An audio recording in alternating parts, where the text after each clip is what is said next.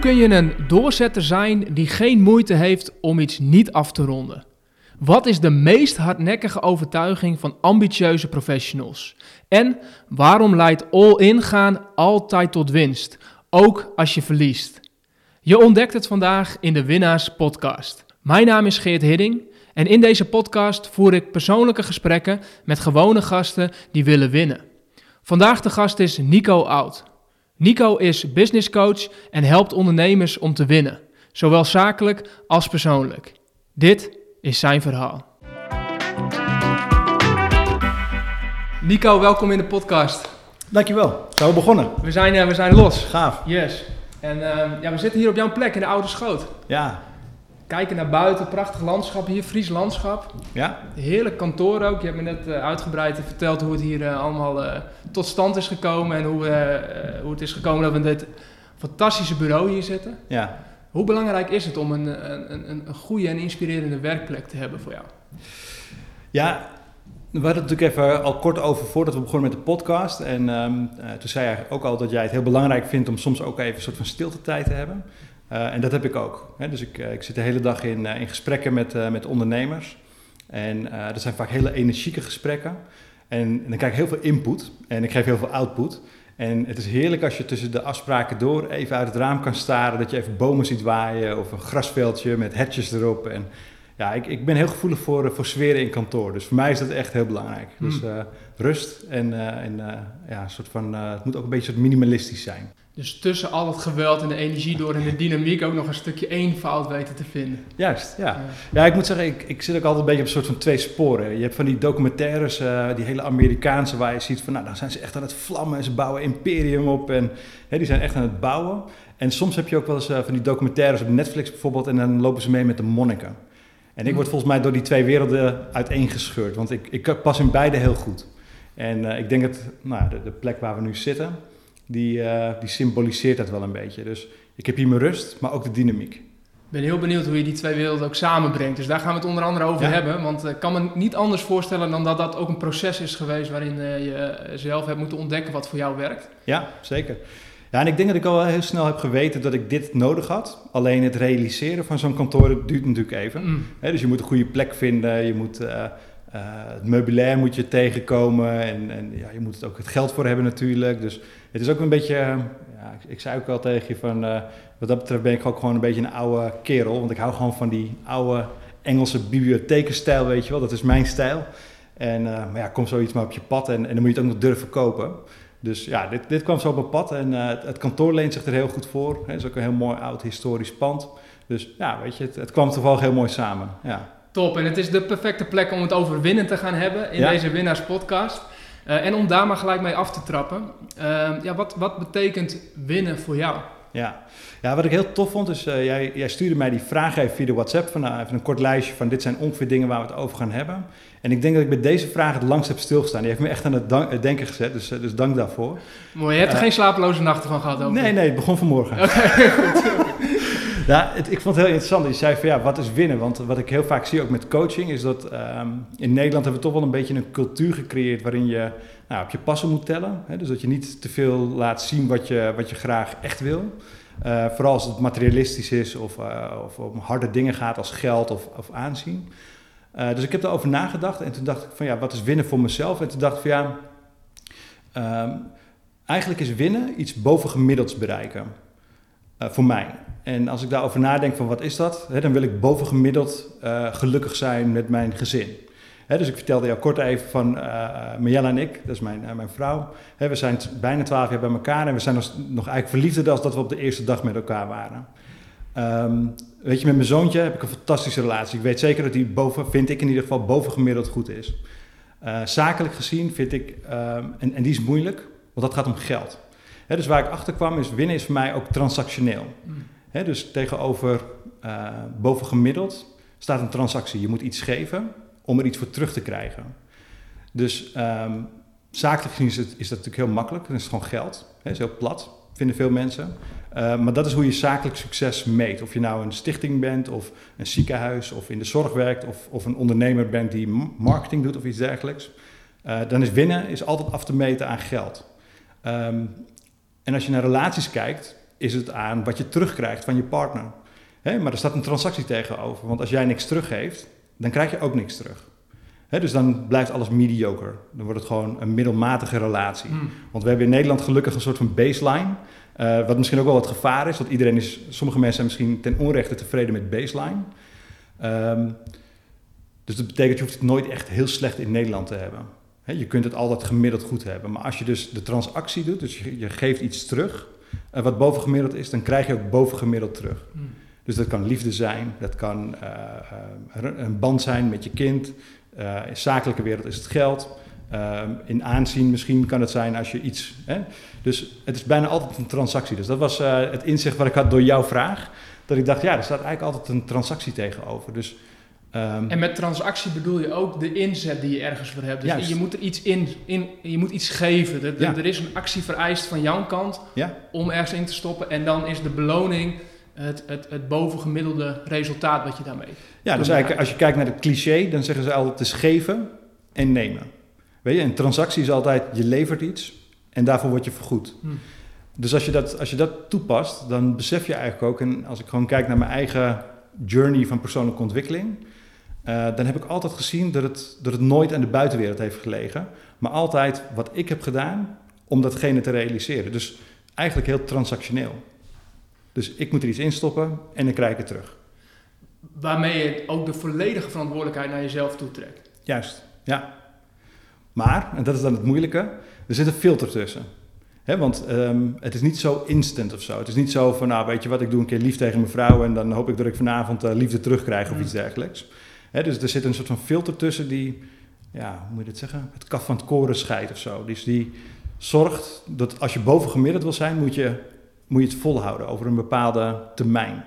Want anders zou het te direct zijn en dan zou het al snel bovengemiddeld zou alweer gemiddeld worden, zeg maar. Dus je moet even door die filter heen, dus je moet even doorzetten. Dus dat is, Het doet me denken aan, eh, aan het compound effect en, Ja. en, en, en, eh, de grafiek die ze daarbij tekenen. Dat je die lijn hebt, eh, wat, wat ze de valle- vallei van teleurstelling noemen. ja, Van je hebt een hele lange tijd dat Ja. je nog geen vruchten plukt van dat wat je aan het oogsten bent geweest. ja, ja, En als dat gebeurt, ja, dan gaat dat ook vaak in veelvoud, want dan, dan, dan zie je in één keer alles opbloeien. ja, Maar je hebt het nu ook vooral volgens mij over die vallei van teleurstelling. Dat betekent in de wereld waarin we nu leven, eh, met instant gratification, je doet iets en je krijgt iets voor terug, ja, het hele snelle.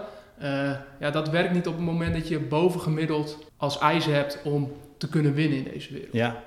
Ja, precies dat. En ik, ik, eh, ik, ik vond mezelf, vond ik, ik- het mooie is, ik denk, en dat is compounding.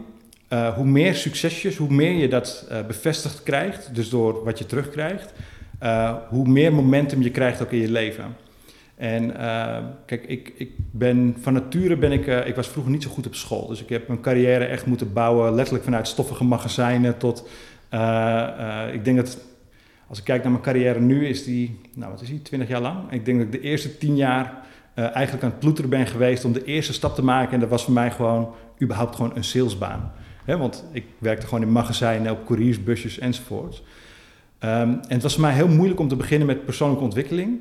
Eh, omdat eh, ik had moeite met lezen. Niet omdat ik het niet kon, maar gewoon ik kon me er niet toe zetten om het echt vol te houden. Want ja, eh, veel woorden snapte ik gewoon niet. Moest ik gewoon letterlijk opzoeken in woordenboeken van wat betekent dat. Eh, nou, dan, dan duurt een boek uitlezen. Dat duurt echt heel veel, kost heel veel tijd.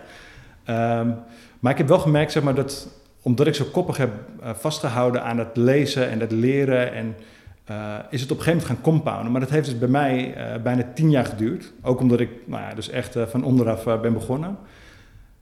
Maar nu weet ik dus, als ik iets nieuws begin, dan weet ik altijd van oké, dit gaat tijd kosten. Maar ik, ik vertrouw er zoveel in dat ik nog meer gas durf te geven in het begin. Waardoor, Mm. nou ja, de, hoe noem jij dat? De vallei des Ja, van de teleurstelling. teleurstelling, hè? Fantastische term. Die, eh, die, wordt, die wordt op een gegeven moment wel korter als je, eh, naarmate je meer ervaring krijgt en meer succesjes krijgt. Mm. Hè, dus het kost me minder, eh, minder veel tijd en energie om nu iets te bereiken waar ik vroeger misschien, misschien wel een, een, een tien jaar over had gedaan. Dus het wordt beter, maar in het begin moet je even... Doorbijten. Dus als je nu aan het ja. luisteren bent en je ziet, pluk nog niet die vruchten, dan, dan weet dan, dan moet je doorbijten. Ja, je bent heel dichtbij, ja. Ja.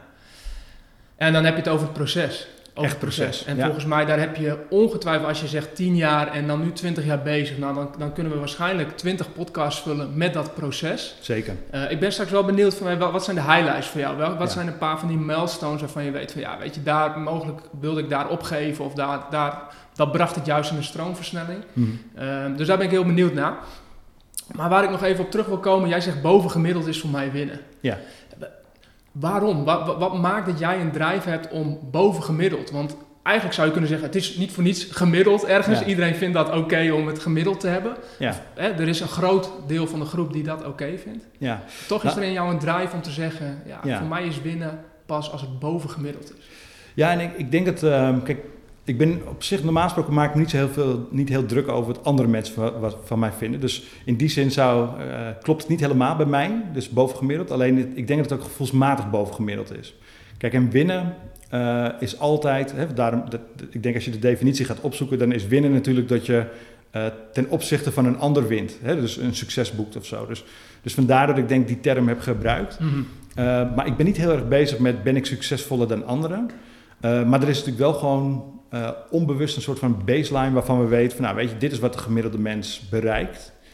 Ehm, en ik wil daar boven zitten. Mhm. Ik vind ook altijd, eh, wij hebben vrienden die wonen in, ehm, eh, bij Florence.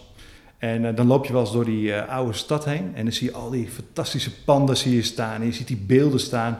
En ik heb me daar echt een keer, ehm, toen was ik alleen op het plein, want de rest was even een, iets aan het bekijken. En ik weet nog dat ik echt bewust dacht van ja, als je nou gewoon terugkijkt naar die geschiedenis. Wie had ik dan in de geschiedenis willen zijn? De mensen die op het Marktplein liepen? Of had je in die kamers willen zitten waar de plannen werden gesmeed, waar de gevechten werden uitgevochten? Of waar de, hè, waar, en toen dacht ik van ja, eigenlijk, want normaal gesproken was ik helemaal niet zo bezig met legacy, maar daar is voor mij zeg maar het begrip legacy ontstaan. Ik dacht van, hoe cool is het dat er iemand in de geschiedenis praat over een moment waarin jij hebt deelgenomen en zegt van ja, maar toen zaten die mensen in die kamer en die hebben toen dit gedaan en dat had zoveel impact op al die mensen. Het liefst aan de goede kant natuurlijk. dat is in Florence zeker niet eh, overal het geval. Nee. Maar hè, dat je, toen dacht ik van ja, hoe cool is het dat je eh, iets nalaat. En ik denk dat daar bij mij ook bovengemiddeld vandaan komt. Tof. Klinkt voor mij ook heel sterk dat je heel bewust je eigen strijd kiest. Dus Ja. hè, winnen gaat natuurlijk over die strijd, eh, een- een strijd winnen, een wedstrijd winnen. En dat je daar heel bewust bent van, oké, als ik me ergens voor inzet, dus als ik ergens die, die energie instop, ja, waar wil ik dat dan in doen? Welke, welke Ja. strijd is het dan? Ja, maar dat vind ik een hele goede wat je zegt. Want toevallig dacht ik daar net over na in het begin van deze podcast. Ehm, wat ik heel belangrijk vind is bij... ehm, eh, ik vond mezelf vroeger een quitter. En eh, ik zei altijd van, ehm, ik ben iemand die heel makkelijk... Tenminste, dat, vond, dat zei ik niet hoor, dat durfde ik niet. Maar ik vond van mezelf dat ik heel snel opgaf. En Welke dat- leeftijd hebben we dan over? Wat, wat was nou, ik denk dat het zelfs tot, tot voor kort is. Dus Hmm. ik denk bijna mijn hele leven tot misschien het afgelopen jaar. Maar wat ik ehm, heb gemerkt, en er zit ook weer een verhaal aan vast, maar eh, ik heb gemerkt dat ik eigenlijk een quitter ben als het er niet toe doet. Hmm. Maar als het er wel toe doet, dan ben ik dus eigenlijk geen quitter. Dan mopper ik er wel over, of ik heb soms het gevoel dat ik opgeef, omdat ik er even mee stop. Maar ik kom dan op de een of andere manier altijd weer terug op dat pad. Ehm, en dan geef ik dus eigenlijk helemaal niet op. Want wat ik vertelde over die boeken lezen, heel veel boeken heb ik nooit uitgelezen, maar weggelegd. En dat voelde voor mij als queeren. Maar in iedere boekenwinkel kocht ik wel weer een nieuw boek. En ieder boek las ik gewoon ietsje verder weer, als ik er gewoon op terugkijk. Hmm. Weet je, dus ja, ik was een quitter, want ik heb boeken weggelegd en heb ik nooit meer naar omgekeken. Eh, maar ik kocht wel steeds weer een nieuw boek. En dan kwam ik weer net ietsje verder. Dus ik heb gemerkt, ik ben, eh, als het er niet toe doet of als, het, als de weerstand te groot wordt, dan kan ik wel heel makkelijk zeggen, oké, even druk van de ketel, eh, terug naar eh, business as usual en het later weer oppakken, waardoor ik wel steeds weer een stap verder kom. En hoe bepaal je dan voor jezelf of iets er wel of niet toe doet? Nou, sommige dingen weet je heel expliciet. Hè? Dus die, die komen gewoon in je op en dan denk je gewoon, ja, weet je, ik voel hier niks bij. Ehm, maar bij mij is het intuïtie. Maar wat ik heb gemerkt, ehm, en ik, ik, ik help nu ook klanten daar vaak eh, bij, is eh, je gevoel vertelt je eigenlijk heel veel. En ehm, eh, ik ben niet per se een gevoelsmens. Ik praat heel weinig over, met mensen over gevoel. Ik praat altijd over opportunity of weet ik wat. Maar het, het negeren van gevoel, dat is eigenlijk het slechtste wat je kunt doen. Want ik merk als iets weerstand kost om te doen, heel veel weerstand, dan eh bovengemiddeld weerstand, dan is het meestal niet mijn pad gebleken. En heb je dan ook over weerstand van buitenaf, dat dingen moeilijker zijn dan gedacht? Of heb je dan ook over ja, die weerstand van binnen die je kunt voelen. Dat je gewoon iets met tegenzin doet of dat je gewoon merkt van ja, ik moet me er elke keer echt naartoe slepen, het, het werkt niet. Ja, van binnenaf. Mm. dus dus we zeiden al, kort even voor de podcast hadden we het over dat ik ook ooit was begonnen met video. Um, Kort voor de podcast zeiden we ook van we moeten die podcast eigenlijk gelijk aanzetten. Voordat we voorkomen dat we alles. Ja, over referenties zijn. ja. Dit is de teaser om voortaan gewoon voor de podcast hier bij ons aan te staan. Ja, gelijk aanzetten. Ja. Nee, dus, dus uh, ik ben ooit begonnen met video. Uh, omdat ik dacht van nou, bloggen doe ik heel veel. Uh, dat is comfortzone geworden. Dat, daar ben ik gewoon goed genoeg in om daar gewoon ehm, comfortabel doorheen te gaan. en ik wilde iets nieuws, omdat iets persoonlijkers. En toen dacht ik, nou ja, video is, is hot. Dus ik ga bezig met video. Nou, bij video heb ik eigenlijk vanaf moment één heb ik daar gewoon weerstand gevoeld. Gewoon omdat ik het echt niet leuk vond. Dus um, daar ben ik ook vrij snel mee gestopt. Ondanks uh, de grote investering die ik daarin had gedaan, ben ik gewoon gestopt met, uh, met video. Um, en later ben ik dus gestart met mijn eigen podcast. Was er wel in dat proces een moment waarop je jezelf wel had overtuigd van ja, dit, dit, dit is het wel voor mij? Is er een moment geweest dat je er echt 100% in geloofde? Ja, toen ik uh, die uh, eh, 7000 euro uitgaf aan apparatuur, mm, ja, was ik heilig nog een meetlat om te weten dat je ergens uh, pot committed bent. Ja, ik was echt committed. Ja. Nee, dus ik, ik ben de Maar achteraf gezien, kun je, is, is er wel een moment dat je achteraf weet van, ja oké, ik deed dat toen ook, maar, maar, maar er zat nog een lichte twijfel? Of was het echt gewoon van, ja, all-in en, en dit, dit, is, dit is de juiste. Nee, ik ben wel een, eh, een all-in guy, zeg maar. Dus ik ga all-in en ik geloofde ook echt in mezelf tot het moment dat ik op die play-knop drukte. Ja. Uh, de eerste keer en als een soort van uh, Mickey Mouse in de camera zat te kijken, met mijn ogen knipperde en dacht van ja, fuck, dit, dit is zo onnatuurlijk, dit, dit past niet bij mij. En ik, ik heb het heel lang geprobeerd. Ik heb zelfs een coach ingehuurd die, van televisie die me ging helpen om, om beter te worden voor camera. Maar ik merkte gewoon, dit was niet een van mijn talenten, omdat Um, schrijven gaat me heel goed af. Uh, praten gaat me heel goed af. Maar als ik heel bewust word van mezelf, dus dat ik bezig ben met uh, waar zijn mijn handen, waar zijn mijn benen, waar, dan, dan merk ik gewoon dat het te complex voor mij wordt. dan is de onbevangenheid weg die uh, ervoor zorgt dat ik me goed kan uitdrukken in tekst of in, mm. in, in, gesprekken. Dus ja, ik merkte gewoon, het werkte niet. Ik heb het lang geprobeerd en uiteindelijk dacht ik, oké, dan pak ik ook mijn verlies. Ehm, en dan moet ik gewoon op zoek gaan naar een nieuw kanaal. En podcasten bijvoorbeeld, daar heb ik ook uh, dezelfde struggle. Maar daar word ik ingezogen, mm. want ik vind het interessant. En ik merk dat tijdens die gesprekken voel ik me energiek. Dus dan, echt het gevoel is goed. En daardoor weet ik, oké, dit is gewoon het goede pad. Het is nog niet zoals het moet zijn, maar nu moet ik volhouden, want het voelt al goed. Nou ja, ondanks de struggle. Ja, en, en zo'n zo'n belangrijke boodschap uh, wat je daarmee geeft. Want, want je kunt het framen als verliezen, nederlaag, ja. quitten. Uh, je kunt het heel negatief framen, dat, dat, dat je ergens mee stopt. Ja. Um, terwijl dat de winst die je ermee boekt, is dat je in ieder geval zeker weet dat dat stuk dus niet voor jou is weggelegd en dat je daar ook geen energie meer in wilt stoppen. Ja. En ik denk dat er maar weinig mensen zijn die all-in op heel veel dingen durven te gaan. Met de kans op dat ze daarmee ook, waarmee ze all-in zijn gegaan, uh, kwijt zijn zonder het geoogd, beoogde resultaat. Ja, Terwijl dat het resultaat dat je nu boekt is, je weet met die 7000 en die tijd en, en energie, weet je in ieder geval, oké, daar hoef je niet meer naar om te kijken, dat hoef je niet meer te doen. Terwijl dat je misschien anders altijd met het idee in je hoofd had gelopen van, ja. misschien is dat het wel. En ik denk dat er heel veel mensen zijn die met zoveel ideeën rondlopen, ja. die ze nooit op all-in gaan. En daardoor dus eigenlijk ook nooit ontdekken. En dus eigenlijk ook nooit die winst pakken die je daarmee hebt gedaan. Ja, het grappige was ook dat, uh, ik heb hem ook op LinkedIn gedeeld uh, een tijdje geleden, is dat um, uh, ik was op een gegeven moment aan het trainen voor de Strong Viking Run. Dat is echt de perfecte metafoor. Ik was aan het trainen, ik was echt... Ik heb Even, de Strong Viking Run, dat is een serieus Ja, serieus ja. Hoeveel kilometer gaat dat? dat, is, dat is, Volgens mij 18 kilometer. Ja. Met allemaal hindernissen, obstakels, obstakels en... ja. En ik dacht, weet je, die ga ik gewoon doen. Dus ik was gaan trainen. Ik was echt... Ik heb, nog nooit, ik heb me nog nooit zo fit gevoeld. Ik was echt goed bezig. En toen kwam er op een gegeven moment iemand bij mij uit het dorp en die zei... Hey Nico, er is binnenkort een bikkelrun in, uh, in Leeuwarden. Zullen we die doen als een soort van generale repetitie? Nou, ik dacht, weet je, perfect, ga ik gewoon doen, want all in. Ik denk, weet je, ik kan gelijk testen mm. van uh, waar zitten mijn zwakke punten... en waar moet ik me nog ontwikkelen dan voor die Strong Viking Run. Nou, het vervelende was, ik kwam er bij de eerste hindernis al achter...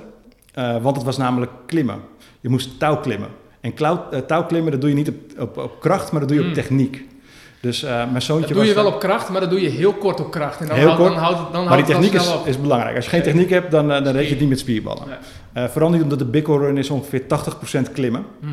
Dus dat was vervelend. Maar goed, dus, je krijgt een bandje om en, en die hou je om. En als je die bij de finish nog hebt, dan heb je het gehaald, zeg maar.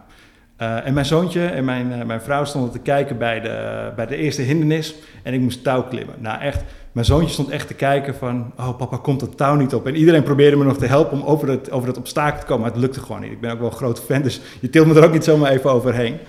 Um, maar goed, dus mijn bandje werd meteen afgeknipt. Uh, voor de ogen van mijn zoontje. En ik voelde echt in, mezelf een soort van teleurstelling. Dat ik dacht van ja, laat ik hem nu zien.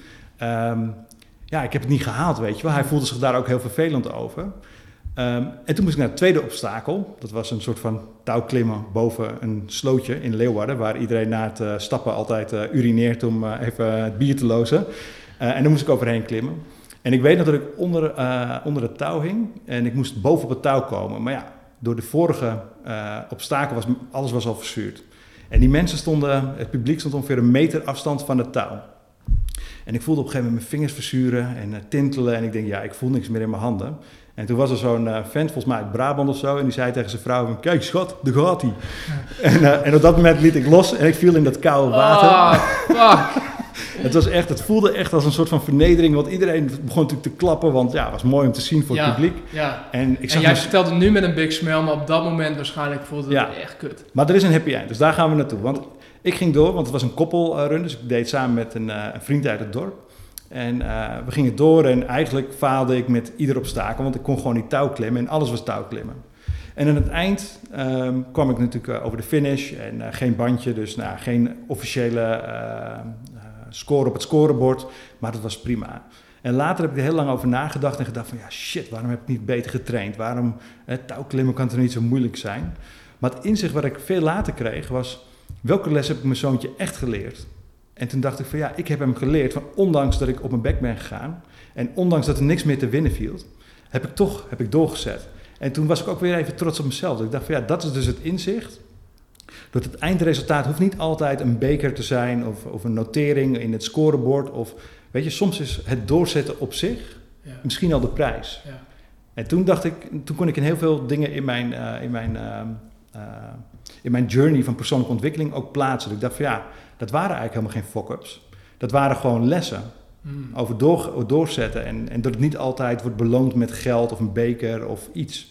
Maar dat je soms gewoon even moet doorzetten om het doorzetten. En wat ik er ook, als ik naar je luister, ook wat er bij mij opkomt, is ja, het ziet er soms ook gewoon knullig, Ja, kloten uit. Dus soms Ja. is het voor de omgeving ook echt iets, waar is die gast mee bezig? ja, Weet je wat? En, en, en dat, kunnen, dat kunnen accepteren en toch door blijven gaan, ja, eh, daar, daar, daar zit heel veel kracht achter. En Ja. dat maakt ook dat je ja, die hele reis, dat hele proces uiteindelijk kunt uitlopen. Maar wat lijkt me dat pittig als er, ehm, als er, als er iemand, als je zoontje is, ja. eh, waarvan, je, waarvan ik me kan voorstellen dat je, ja, weet je, alles wil ik laten zien wat, wat, wat ik in huis heb. Wat lijkt me dat pittig om dan ja dat, was, dat was moeilijk dat te inderdaad. accepteren? Ja. ja, hij was 6, 7, hè, dus, dus in zijn wereld was ik de grootste en de sterkste in de wereld. Weet je, dus op dat moment, ehm, eh, terwijl ze je staan aan te moedigen, dan is dat ook het gevoel wat je, wat je, waar je misschien nog wel het meest, het grootste gevecht tegen levert in die, in die run, is dat je bedenkt van ja, shit. Weet je, hij ziet mij als zijn grote held en hij heeft nu gezien dat ook zijn vader niet onaantastbaar is. Mm. Maar later dacht ik dus van nou, hij heeft iets heel anders gezien. En, en dat heeft voor mij wel weer, nou, dat, heeft, eh, dat is een heel belangrijk inzicht Heel geweest. mooi, Ja, heel mooi. ja. Is er een ander moment geweest in jouw carrière dan dat je weet dat, dat je voelde, zo'nzelfde soort moment voelde van, oh ja, er zijn de mensen waar ik om geef of de mensen waarvan ik de mening heel hoog eh, acht, Mhm. eh, die zien mij nu bij wijze van op mijn bek gaan en, eh, en, en iets niet halen? Ja, zeker. Kijk, wat jij zegt van eh it ain't pretty. Weet je, dus de, de, de, eh, de meeste mensen die mij volgen op LinkedIn of zo, ja, die volgen mij eh, sinds de afgelopen vier, vijf jaar. Weet je, ik, ik ben on top of my game, zo voelt, zo voelt het voor mij. Weet je, dus die zien allemaal de, de winner's journey. Hè? Dus die zien allemaal hoe ik eh, mijn brand aan het bouwen ben. En dat is, dat is de fun part. Eh, maar het was echt, nou, als je de weg terugkijkt, zeg maar, Ehm, ja, ik heb gewoon, we zeiden het straks ook alweer, hebben we ook gemist. Ik ben gewoon aan het maaien geweest, aan het gras maaien. Ik heb gewoon chaos gecreëerd. Ik denk dat ik Neem ons mee, neem ons mee Ja. in, in, in dat stuk. Want, eh, want straks komen we ook zeker op waar je nu mee bezig bent. En Ja. hè, jij zegt ook, eh, ja, de podcast heeft je ook ingezogen. Daar word je nu op, eh, in meegezogen. Ja, dus daar ben je ook actief in. Dus dat, dat willen we straks ook weten. Van wat, wat ben je nu dan precies aan het doen? En eh, wat is de winner's journey op dit moment? Maar neem ons eerst nog mee naar Ja, ja, de journey, dat, eh, dat, dat, dat grasmaaien wat we gemist hebben. Ja, het grasmaaien is eigenlijk het meest interessante. Dus eh, dat andere dat is allemaal gewoon hartstikke mooi, maar dat is het resultaat van de journey. Ehm, ja, weet je, ik, ik denk dat ik eh, vroeger als kind, werd ik in de, in de familie werd ik, de geldwolf genoemd. Mijn opa, omdat ik met, eh met 31 altijd de pot won en ik was heel erg op, met geld bezig, zeg maar. Dus ik had ook altijd handeltjes, ik was altijd bezig met geld verdienen al op, op jonge leeftijd. Ehm, en ik denk dat ehm, mijn grootste frustratie was dat toen ik op de arbeidsmarkt kwam, toen eh, draaide nog alles om diploma's. En het schoolsysteem, zoals je daar moet leren, eh, dat past niet bij hoe ik leer. Ik, leer. ik zeg altijd, in mijn hoofd is het een soort van spaghetti met allemaal draden die op de een of andere manier, op een gekke manier met elkaar verbinden, maar die niet in een logische volgorde te reproduceren zijn of zo. Dus ehm, dat is niet hoe school werkt. Hè? Dus, dus ik ben laag opgeleid. Eh, en dan kom je op de arbeidsmarkt. Dus ik ben begonnen in het leger. Ehm, daar heb ik karakter leren bouwen. En ik denk dat dat me heel erg heeft geholpen om, eh, om eh, best veel dingen te overwinnen die op mijn pad kwamen. Waarom het leger? Ehm, eigenlijk heel plat. Ik wilde niet verder leren. En ik was 17 toen ik het voortgezet onderwijs had afgerond. En ik moest een vervolg doen. Hmm. Tenzij het leger inging. Ehm, Dus het was een goede escape. het was een goede escape. Ik had ook een beetje verkeerde vrienden.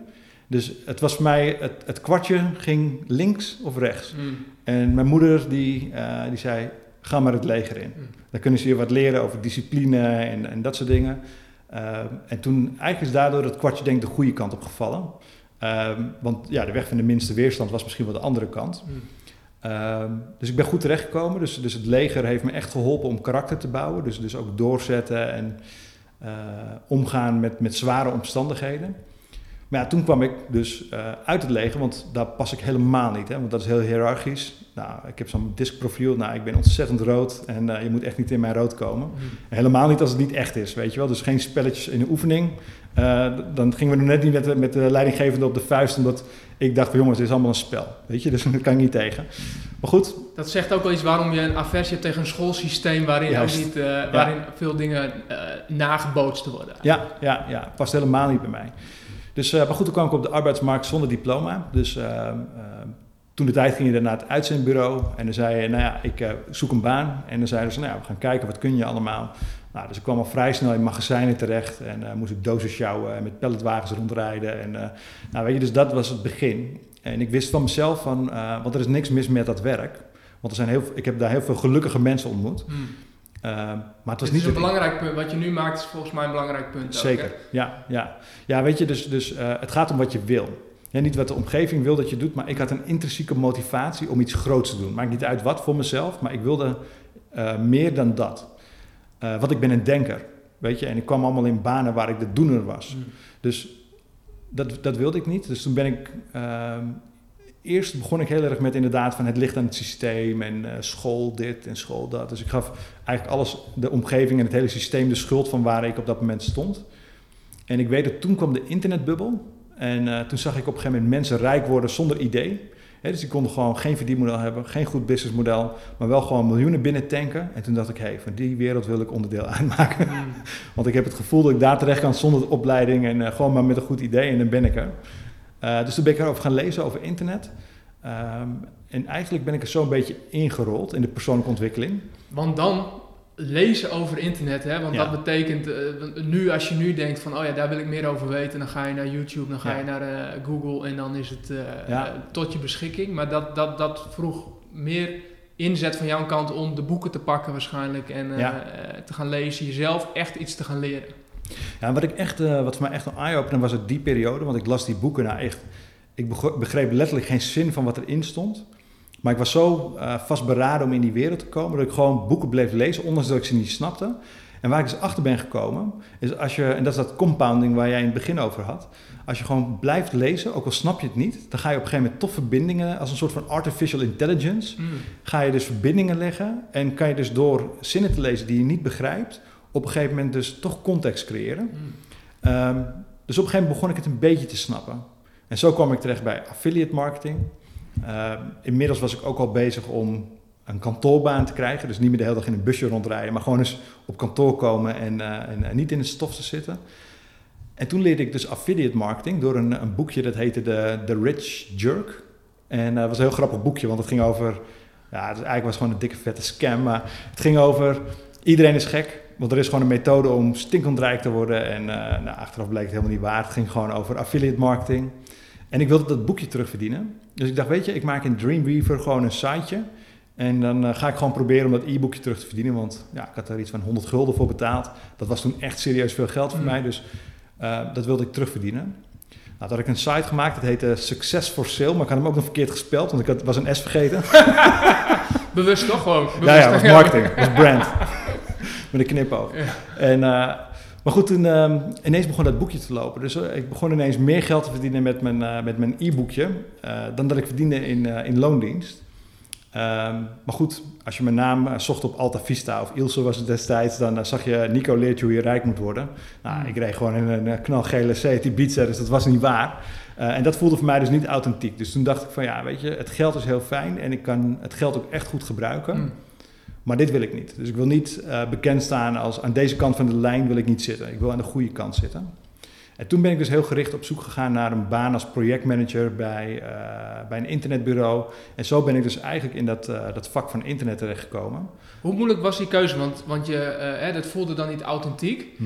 Ehm, maar ik kan me ook voorstellen, als je ergens vandaan komt, het proces wat je dan doorlopen hebt, en je hebt eindelijk iets te pakken waarin je merkt, ik blink erin uit, het gaat goed, en ik krijg Ja. ook nog daar goed voor betaald. Ja. Ja, hoe moeilijk is dan die switch? ja, het voelt niet eerlijk. Alsof de wereld zeg maar, iets voor je heeft bedacht wat je heel goed kan. Maar wat dan net niet goed valt zeg maar, in, in het eh, systeem zoals we dat natuurlijk met z'n allen hebben bedacht. Dus eh, het was lastig, maar ehm, ik heb er niet heel lang bij stilgestaan of zo. Ik dacht, ehm, eigenlijk was dat een soort van bevestiging voor mij. Van weet je, je bent meer dan eh, hetgeen wat je tot nu toe hebt gedaan. Dus je kan meer dan wat je denkt, hè, wat mensen vonden dat ik kon. Ja, Vanuit school en de mensen om me heen. Ja want, hoe, hoe, hoe- want tot dat punt heb je mogelijk ook met veel belemmerende overtuigingen rondgelopen over jezelf. Ja, zeker. Die Ja. niet klopte, maar omdat het systeem niet was. Ik doe, doe me altijd denken aan dat je, ja, je- moet een vis niet vragen om in een boom te klimmen. Eh, dat voorbeeld. Ja, En als je wel dat wordt geleerd, ja, dat schiet niet op. nee. Eh, dus dan, dan, dan krijg je een hoop overtuigingen mee die, die je voor jezelf moet zien te Ja, ontkrachten. zeker. Ja. Wa- Wat, was de een, wat was de meest hardnekkige voor jou? Wat is iets waar je lang, welk, met welke stem heb je langst rondgelopen? Mm, nou, ik, ik denk dat ik hem nog steeds heb. Ik kan er alleen beter mee omgaan. Ik denk nooit dat je er helemaal afkomt. En ik denk ook, nou, ik weet ook, omdat ik natuurlijk veel mensen coach, eh, dat bijna iedereen hem heeft. En dat is het imposter syndroom. Dat is een mooie term. Eh, en dat is iets wat je heel veel ziet terugkomen. En, en ik heb dat nog steeds wel eens van, ja, wie ben ik nou eigenlijk? Ja, want kun je hem uitleggen voor degenen die Ja. daar geen, geen beeld bij hebben? Ja, dus imposter syndroom is eigenlijk als mensen het gevoel hebben dat ze eh, iets doen waar ze eigenlijk niet goed genoeg voor zijn. Dus ze, zijn, ze vinden zichzelf een soort van oplichter, omdat ze denken van ja, wie ben ik nou echt om andere mensen hiermee te helpen? Of eh, zeker in het marketingvakgebied is dat natuurlijk ehm, eh, een, een heel veel voorkomend gevoel wat veel mensen hebben. Ehm, en ik heb hem ook nog steeds. Hè. Ik ben business coach. Ik, ik coach heel veel mensen en ondernemers die bij mij komen voor advies en, en raad en weet ik wat. En, en nog steeds soms heb je wel eens het gevoel van ja, weet je, wie ben ik nou eigenlijk? Want hoe meer je weet, hoe meer je beseft hoe weinig je eigenlijk weet. Mm. Hè, dat is natuurlijk een mooie gezegde in de wereld van persoonlijke ontwikkeling. Eh, dus daar ben ik me ook altijd heel bewust van. En, ehm, dus dat gevoel is nooit weggegaan. Maar ik merkte wel dat naarmate ik steeds vaker eh, succesjes behaalde in het begin, ehm, dat ik steeds zekerder werd van mijn zaak. Dat ik dacht van, weet je, ik heb echt iets in mijn mars wat in lijn ligt met wat ik graag wil bereiken. Mm. En later eh, kreeg ik ook de feedback van anderen. Hè, waardoor ik, nou, dan, dan maak je eigenlijk de, de grootste groei door. Dat mensen je gaan bedanken, dat ze zeggen, nou weet je, wat jij met mij hebt gedeeld is zoveel waard. Kijk, en dan ga je als persoon nog meer groeien. Dan ga je weer door een soort van nieuw plafond heen. Ja. Dus eerst moest ik het gewoon meten aan platte dingen als geld of wat heb ik bereikt enzovoort. En, en in dit stadium haal ik veel meer uit mensen die zeggen van, nou Nico, de manier waarop jij me hebt laten kijken naar iets, heeft mij ontzettend helpen groeien. Uh, dat je beseft van, oh ja, ik ben geen imposter. Dus dan wordt het op een gegeven Mm. moment... Hij treedt heel vaak op. Soms krijg ik wel eens een aanvraag binnen eh, van iemand waarvan ik denk... holy shit, waarom komt die bij mij terecht? Ehm, maar dan kan ik wel zeggen van, oké, laat hem gewoon komen. En we gaan gewoon kijken hoe het gaat. Ehm, en dan weet ik re- redelijk snel van, oké, ik kan hem wel helpen. En als dat niet zo is, dan lossen we het gewoon op. Ja. Dus je bent er bewust van en je weet ook van oké, hij hoeft niet alles te bepalen. Ja, Het is interessant. Het, het, het, ehm, en daarmee, ik, ik zat het, al- alsof je hem bij de stoel even erop zet en je, la- je laat hem even aan het woord, eh, aan tafel. Van nou ja, vertel maar even waarom je denkt van niet. En dan oké, ik heb je gehoord en nu ja. Eh, het- blijf ik toch eh, doen wat ik, eh, wat, ik, wat ik voorgenomen had om te Ja, nou, dus een belangrijke learning voor mij was om, om niet te vechten tegen dat soort gevoelens of zo. Mm. Want ik merk ook, ze zijn heel natuurlijk. Heel veel mensen hebben ze. Ik, Mm. ik durf bijna te zeggen, iedereen heeft ze. Dus ehm, eh, ik denk, je moet er gewoon niet tegen vechten. Je moet gewoon een systeem voor jezelf ontwikkelen om ermee om te gaan. Ehm, en het leven is niet zo, weet je, we, we hebben een hele veilige omgeving of zo. Hè? Ik bedoel, ehm, als zou ik iemand tegenkomen die ik bij wijze van spreken echt niet kan coachen, omdat hij gewoon veel meer weet dan ik, dan kan ik altijd zeggen, weet je, eh, voor mijn gevoel heb, ik jou niks te leren en kan ik misschien meer van jou leren. Ik crediteer mijn factuur en dan laten we gewoon een leuk gesprek van maken of wat dan ook. Hè, dus er is in onze maatschappij, er is geen harde afrekening of zo. Nee, en ik, en, en ik denk ook juist degene die er heel hard tegen vechten, die zie je zichzelf juist onnodig opblazen of groter maken of over, Ja. zichzelf overbluffen en daardoor eigenlijk iets bevestigen, want dan gaan ze ook dingen aanpakken die, waar ze eh, op dat moment niet geschikt voor zijn Ja, en worden daardoor bevestigd van ja, zie je wel, dit, dit kon ik ook niet. Dus ja, ik kan me voorstellen dat dat Ja. niet de juiste strategie is. nee, en het kost dus heel veel energie. Ja. En ik denk dat het ten onrechte eh, mensen tegenhoudt om, eh, om iets te doen, wat misschien wel hun journey is. Mm. Dus dat ze op het pad zitten om iets te doen wat echt helemaal in lijn ligt met wie ze zijn, wat ze willen bereiken, met wie ze willen werken. Maar dat dit hetgene is wat ze tegenhoudt om dat uiteindelijk te bereiken, omdat ze bang zijn van, eh, dat, dat er een harde afrekening plaatsvindt. Oh, ja.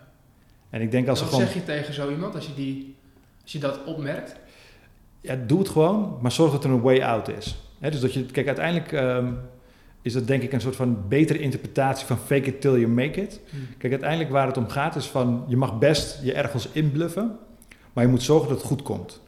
En dat kan eh, zijn of je crediteert iets. Hè, als je iemand een factuur hebt gestuurd en je levert geen waarde, dan moet je ook gewoon zeggen, nou oké, je krijgt je geld gewoon terug.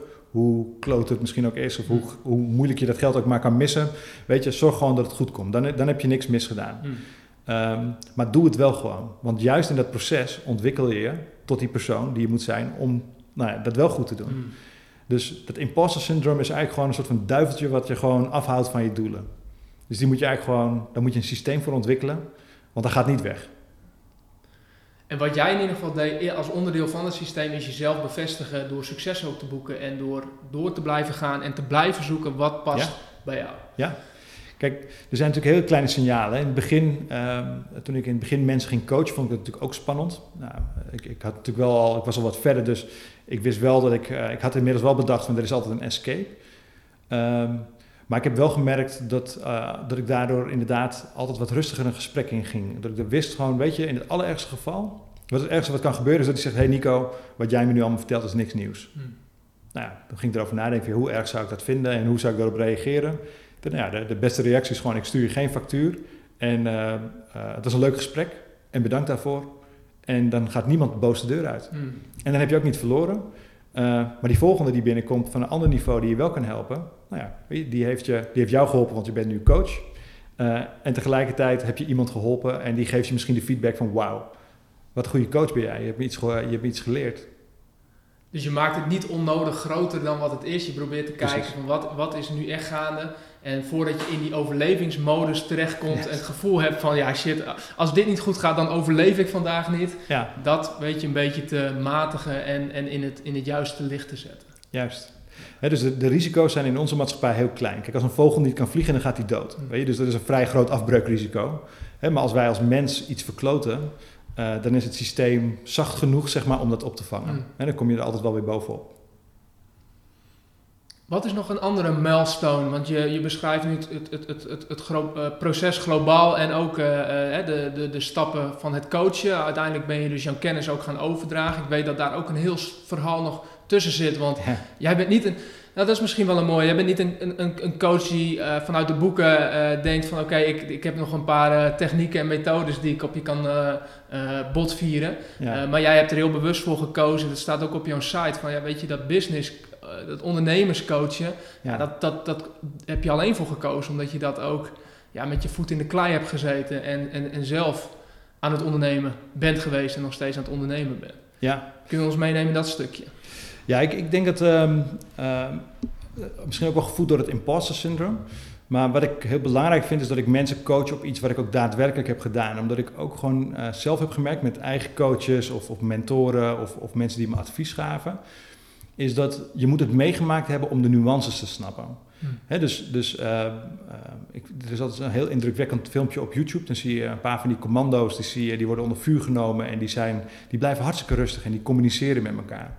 Kijk, als je nog nooit in zo'n situatie bent geweest, uh, dan kun je in een trainingsfaciliteit kun je heel makkelijk tegen iemand zeggen: Weet je, ga even stilstaan, haal even drie keer diep adem, hou die even een seconde vast, pak je geweer en schiet.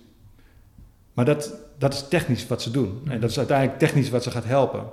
Maar wat je moet, als je er bent geweest, dan zeg je: Weet je, de eerste keer is dat waarschijnlijk heel moeilijk. Want de adrenaline pompt door je lichaam en het gaat je niet lukken. Maar blijf het, weet je, dus de nuances, die weet je pas als je het hebt gedaan. Ja. dus uh, in mijn geval... Inlevingsvermogen. Inlevingsvermogen. De details die niet in de boeken staan, die bepalen hoe je iemand adviseert en hoe je het laat binnenkomen bij diegene. Dus ik kan tegen iedereen zeggen, ja, um, uh, een investeerder uh, moet je doen om deze redenen wel en om deze redenen niet. Nou, dan maakt iemand een hele technische afweging of hij wel of geen investeerder in zijn bedrijf wil halen. Maar al, ik, omdat ik het zelf heb meegemaakt, uh, kan ik je vertellen van, nou weet je, dit is hoe het voelt. Zo gaan die gesprekken. Zo voelen die gesprekken. Weet je, als het goed gaat, voelt het zo. Als het slecht gaat, voelt het zo.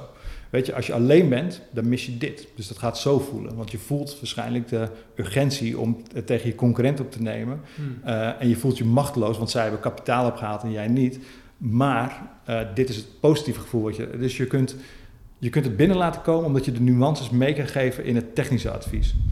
En, en dat is de reden waarom ik uh, me echt beperk tot het domein waarin ik bekend ben. Hmm. Dus wat ik zelf heb gedaan, daar coach ik. Alles daarbuiten, dan stopt ook mijn coaching. Is dat ook de reden waarom je vrij open bent in jouw eigen processen? Je bent nu uh, ook een nieuwe onderneming gestart weer. Ja. Daarin deel je ook je eigen learnings. Is, is, uh, heeft dat deze reden ook? Uh, nou, kijk, waar ik heel slecht in ben, is dingen bij me houden. Ik ben in die zin uh, wel een flap uit, zeg maar. Ik ben zo enthousiast over wat ik doe of wat ik denk of wat ik... Weet je, dus ik, ik, um, ik deel soms ook wel dingen die ik niet zou moeten delen. Of die verstandiger waren om niet meteen te delen. Dus ik, het, het zit er ook wel echt in mijn natuur om gewoon dingen heel snel te delen. Um, maar er zit wel een purpose dingetje achter. Want ik, ik, ik denk wel dat met de content die ik deel, hoop ik wel altijd dat er iemand is in die positie die uh, dit artikel dan tegenkomt en denkt van, oh, hier heb ik wat aan. Ja. Weet je, dit is normaal, dit hoort zo, het is vervelend, maar met deze dingetjes kan ik het verlichten, beter maken of in, binnen een ander perspectief plaatsen. Dus er zit wel een purpose ding achter, maar het past ook wel goed bij wie ik ben. Ja, en dus dan versterkt het elkaar ook, denk ik. Ja, want dan is het ook weer authentiek. En tegelijkertijd denk ik, ja, daar is ook heel veel behoefte aan. aan, aan juist Weet je, je wil niet een, iemand hebben die je vertelt hoe het moet als diegene alles perfect doet of niet weet hoe het is om onzeker te zijn of ja.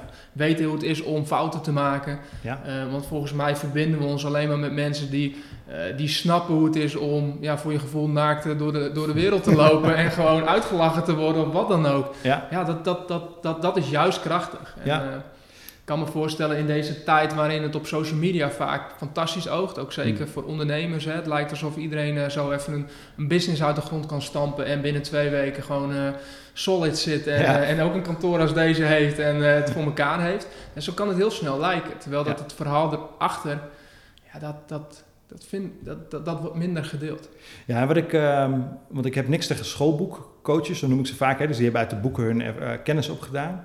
Uh, want daar is zeker een plek voor. Want die mensen die, die leren je de techniek. En dat is ook een hele belangrijke coach. Kijk, waar ik moeite mee heb met qua coaches, zijn de coaches die inderdaad een soort van beeld creëren, als een soort van droom.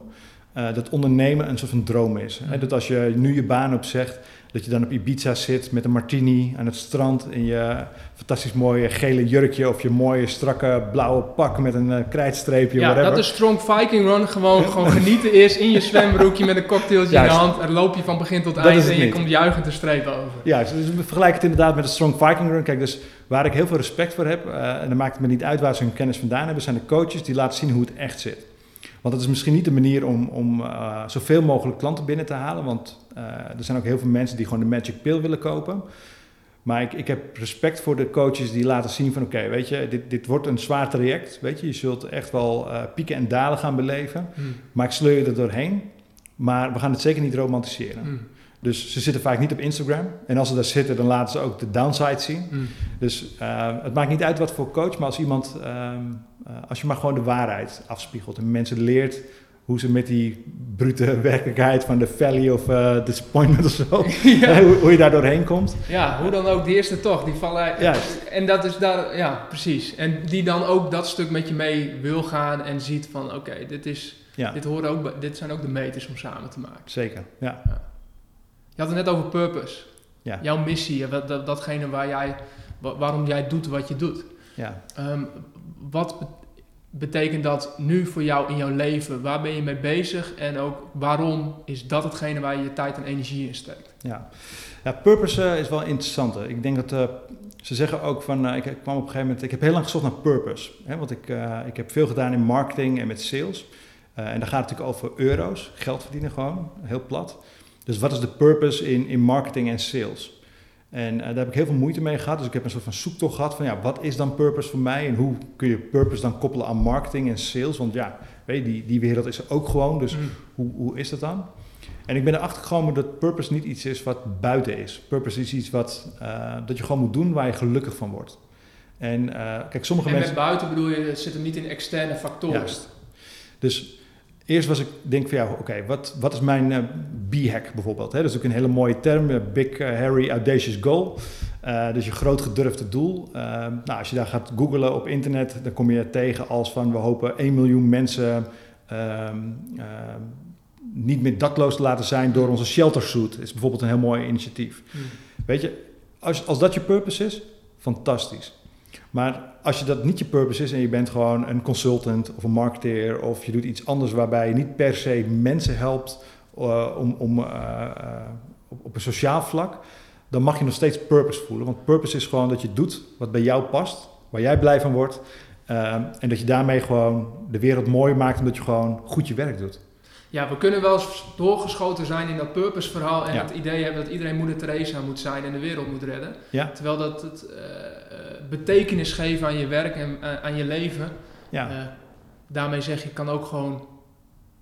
Ja, kleiner is dan niet gelijk het juiste woord, hè? want dan lijkt het weer alsof het ene groter, grootste is en het andere klein. Ja. Maar uh, het heeft veel meer verschillende vormen dan alleen dat, ja. dat, dat, dat goede doel, de non-profit steunen of geld inzamelen voor armen. Ja, zeker. Mm. En ik denk uiteindelijk, um, als ik er gewoon over nadenk van wat, wat is purpose dan echt?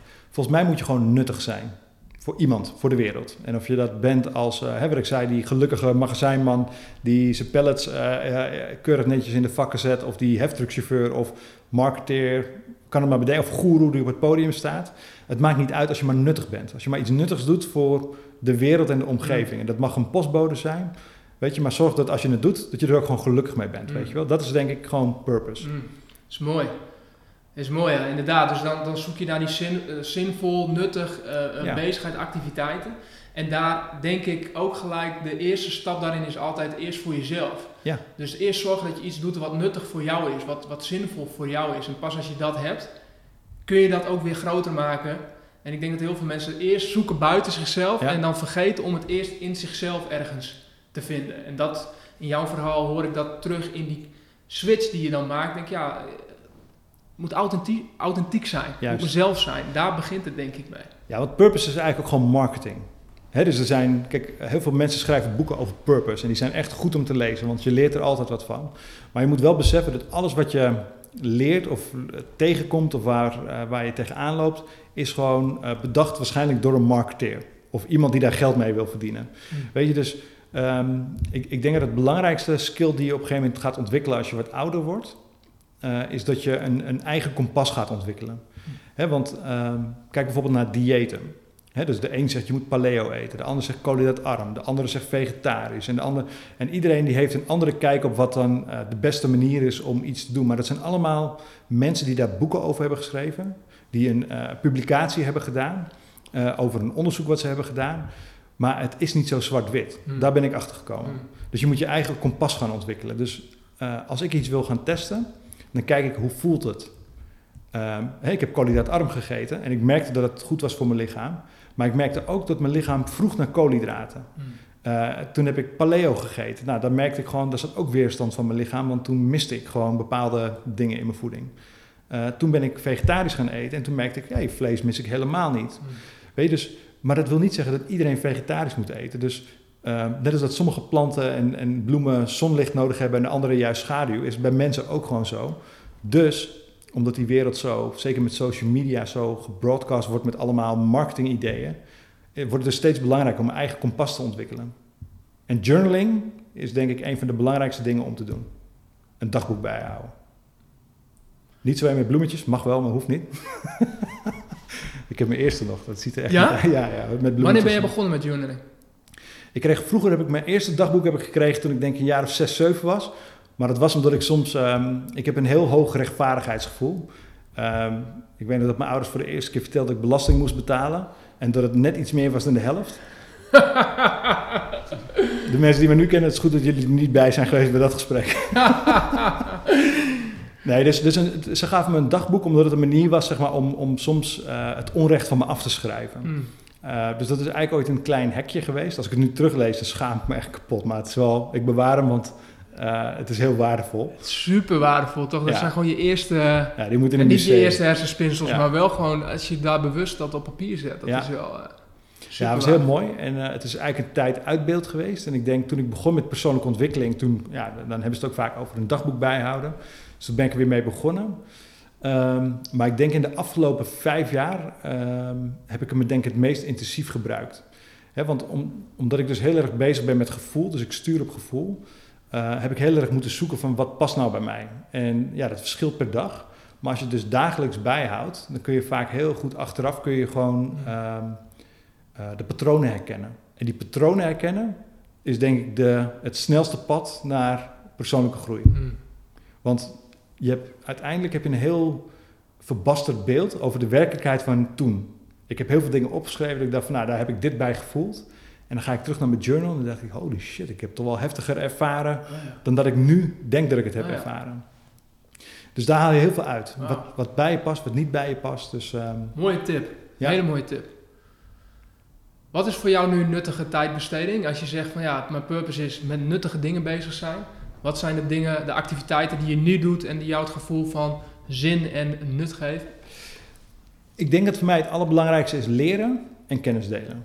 Ik, ik, ik merk dat dat, en misschien is dat ook wel hoe de, hoe de mens is eh, ontstaan zoals we nu zijn, zeg maar. Dus eh, je leert iets en je draagt het over op een nieuwe generatie. Mm. Eh, dus ik denk dat voor mij, en daar haal ik ook het meest voldoening uit, is, is leren en kennis delen.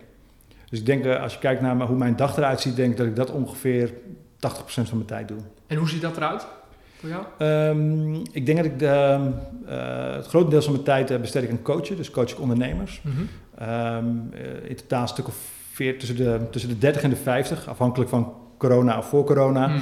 Eh, of inmiddels nu weer, hè, nu het weer wat drukker wordt. Maar coachen doe ik het meest. Dus, dus ondernemers helpen om een volgende stap te maken. Eh, daarnaast ben ik heel veel aan het bloggen. Eh, ik heb een podcast waar ik net mee ben begonnen, wat ik heel leuk vind om te doen. Hè, waarbij ik op zoek ga naar eh, ondernemers of mensen met een uitzonderlijke growth mindset. Die iets hebben gerealiseerd waar andere mensen iets van kunnen leren. Ehm, dus coachen vind ik heel erg is delen. Hè? Dus mijn blog deel ik heel veel kennis, maar dat doe ik steeds. En de podcast is voor mij ook een manier zeg maar, om met hele bijzondere mensen in gesprek te raken eh, over onderwerpen waar we normaal gesproken nooit een uur aan zouden besteden. Mm. Hè, de eerste is bijvoorbeeld Amanch, is een eh, jongen die gevlucht is vanuit Irak, een nieuw leven heeft opgebouwd. Ehm, ik heb hem gecoacht en in het begin hebben we het natuurlijk even kort over gehad over zijn achtergrond.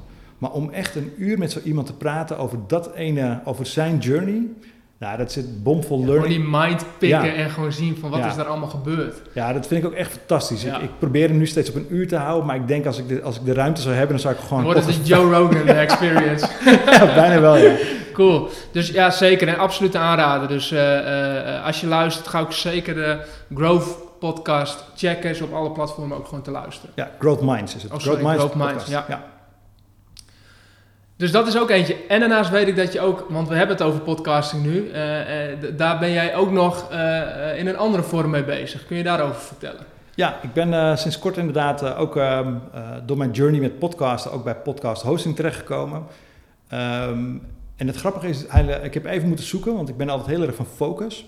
Dus hoe past iets als Springcast, hè, want zo heet het bedrijf, met podcast hosting, hoe past dat in mijn purpose om dus ondernemers te helpen? Dus dat was voor mij nog even eh, flink nadenken van ja, moet ik deze opportunity wel of niet pakken? Of is het meer een afleiding van mijn echte purpose? Maar een van de dingen die heel centraal staat altijd bij eh, mijn klanten coachen, is om een merk te bouwen. Het is natuurlijk business coaching, dus het is heel erg op business. Eh, dus we bouwen eigenlijk altijd een merk en content is een hele belangrijke pijler daarin. En ik had een, sommige mensen hebben, kunnen heel goed schrijven, maar ik had bijvoorbeeld ook gewoon een paar klanten die waren dyslectisch of ze zijn van nature gewoon niet zo goed in schrijven. Het is gewoon niet hun medium. Eh, en toen dacht ik, ja, podcast is natuurlijk een medium voor de mensen die niet goed kunnen schrijven of niet willen schrijven of niet leuk vinden. Een heel goed medium. Dus met Springcast heb ik weer als missie om mensen die eh, een boodschap hebben, maar dus niet zo goed eh, zijn met tekst of video, om die een medium te geven en dat makkelijker te maken voor ze om te podcasten. Dus daar ben ik nu de eerste stap aan het zetten. Het begint met hosting, maar we zijn ook bezig met hele toffe tools om nou ja, die content eh, makkelijker te kunnen creëren. Super tof. Super Ja. tof. En wat is de ambitie met Springcast? Ja, de belangrijkste ambitie is voor mij denk ik gewoon nog steeds eh, om die ondernemers te helpen. Maar als ik gewoon even puur kijk van wat is mijn echte drive, is natuurlijk gewoon, ik vind het leuk om te doen. Hmm. Dus ik vind het heel leuk om dat bedrijf op te bouwen. Eh, ik heb al, vooral in dienstverlening gezeten. En dit is een product eh, waar, ik, waar ik eigenlijk een heel nieuw bedrijf aan het bouwen ben, waardoor ik weer nieuwe inzichten en misschien straks ook weer nieuwe, nieuw soort ondernemers kan gaan coachen. Hmm. Eh, omdat, ik nu, omdat ik dan straks uiteindelijk op een ander domein kan gaan coachen. Dus ik heb geen idee waar het... Misschien is het straks een van die dingen waarvan we zeggen... je bent gewoon aan het maaien geweest. I don't know.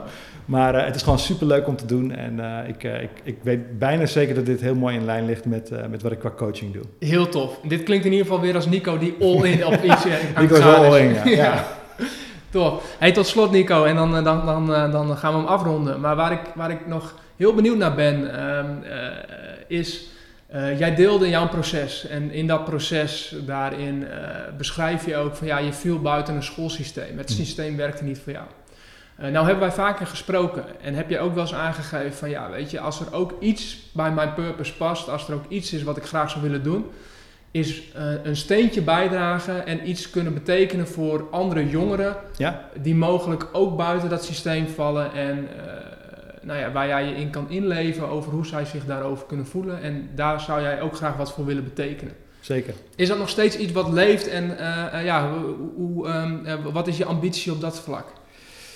Ja, die, ehm, ik denk dat de Growth Minds podcast is daar één van. Ehm, hè, we denken dat die, eh, dat die doelgroep ook, eh, ook heel goed aansluit op die podcast. Ja, ik kan me goed voorstellen. Het Eh, luisteren naar de gesprekken en juist. de ervaringen in plaats van het uitboeken moeten Ja. halen. Ja, kijk, wat, één ding wat centraal staat in de Growth Minds podcast, want soms gaat het over business, soms gaat het over eh, persoonlijke ontwikkeling of over succes of noem het maar op. Maar wat eigenlijk altijd centraal staat is inderdaad de journey om er te komen. Hmm. En ik denk dat ehm, wat mij heel veel, veel is eh, eh, verteld of gezegd door mensen om me heen, die zeiden, had ik maar iemand als jou eerder ontmoet om te weten van ja, weet je, zelfs al zou je geen diploma hebben, Hmm. dan kun je nog steeds iets maken van je leven. En ik, ik zie dat zelf helemaal niet zo, maar dat hebben zoveel mensen tegen me gezegd, dat ik denk van ja, ik wil ook niet de enige zijn, maar ik wil mensen een podium geven die dat hebben gedaan. Hmm. Hè, zodat zij het voorbeeld kunnen zijn voor die mensen van kijk, hij is nu CEO van dit of hij is een succesvolle ondernemer met dat, maar hij was dit. Hmm. En dat ben ik ook.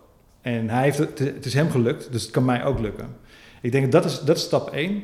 Eh, en stap twee, en dat doe ik heel eh, af en toe omdat mijn tijd wel schaars is. Af en toe komt er iemand op mijn pad die mij qua coach niet kan betalen, maar die precies valt in die doelgroep. Kijk, en dan doe ik het desnoods gratis. Hmm. Dan zeg ik, weet je, ik ga je gewoon helpen. Je hoeft me niet te betalen. Ik ga gewoon zorgen dat je die eerste stap gaat maken. En daarna moet je gewoon aan de bak. Dus Ja, zo, zo doe ik het. Super vet. Dus dat is ook iets, jouw vorm van iets terug kunnen geven aan, aan de maatschappij of Ja, dat, eh, Zeker. vanuit je eigen ervaring. Ja. Als je nu luistert en je denkt, ja, weet je, ik, moet ik moet sparren, ga Nico niet plat bellen. maar weet wel, ik denk dat dat wel een mooie is, ook in, in, in afronding, eh, eh, ja, weet je, die drive die je hebt om eh, te delen met anderen en vanuit overvloed te delen. Dus eerst zorgen dat je zelf je eigen glas overloopt en Ja. goed zorgt voor jezelf, zodat je ook weer kan geven. Ja, dat zie ik in alles wat je doet terug. En eh, eh, nou, dat, dat is in mijn ogen, eh, maak je dat, alleen dat al een, een, een enorme winnaar. En ben, ik, ben ik er trots op dat je in de Winnaarspodcast te gast bent geweest, Ja, gaaf man. Ik vond het echt leuk om over dit onderwerp te praten trouwens. Het is de eerste podcast die ik heb gedaan met dit onderwerp waar ik de gast was. Dus echt heel tof. Cool, en ik heb het idee, ook daarin ben je nog niet uitgepraat. Dus volgens mij zijn er nog genoeg verhalen en, en, en, en learnings om te delen. Ja, maar super mooi, dank voor, voor dit verhaal. Eh, als afronding, ik vraag alle gasten om een, eh, om een zin af te maken. Ehm, en dat is de volgende. Ehm, een winnaar is voor mij iemand die. nuttig is. Thanks, Nico. Bovengemiddeld nuttig. Oké, aangescherpt. Bovengemiddeld nuttig is. Tof. Thanks voor je gesprek. Jij ook bedankt man.